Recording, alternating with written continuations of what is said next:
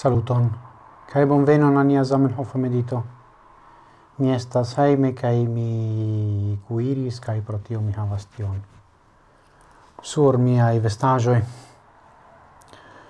Do, uh, mi legos el pagio dudec ses, el tiron el antau parolo alla dua libro, mil occent octec hoc. Zamenhof parolas pri la desiron au ne desiron laudi kai esti laudata fakte. Scribas Zamenhof Mi ne desiras laudon. Mi volas che oni min helpu forigi la eraro in kiu in mi faris. Cai iu la criticoe de mia lingvo estas pli severai, des pli, danke mi ilin alprenas, se ilin nur havas la celon montri al mi la eraroin de mia afero, che mi ilin bonigu, sed ne ridi sen senso au insulti sen causo. Miscias. tre bone che la verco de unu homo ne povas esti sen erara, se tiu homo ec estus la plei genia, cae multe pli instruita ol mi. Do, carai,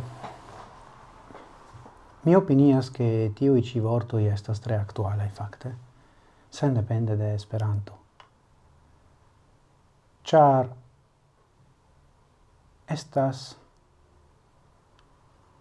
giusta aliro resti malfermai al criticoi, sed tiui criticoi qui povas alveni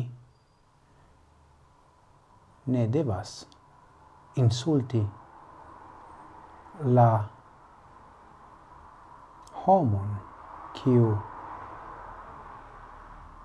esprimis la ideoin cae critici sen baso, ridi sen senso. Do, shaina al mi che tiu ci aliro kiun Zamenhof sugestas al ni. Estas ancora actuala post tiom da iaroi. Do,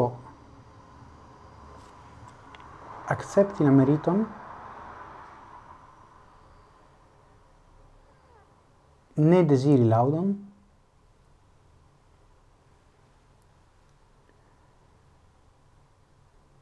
serci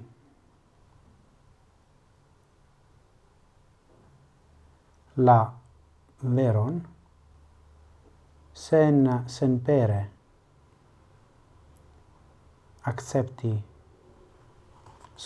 in critico in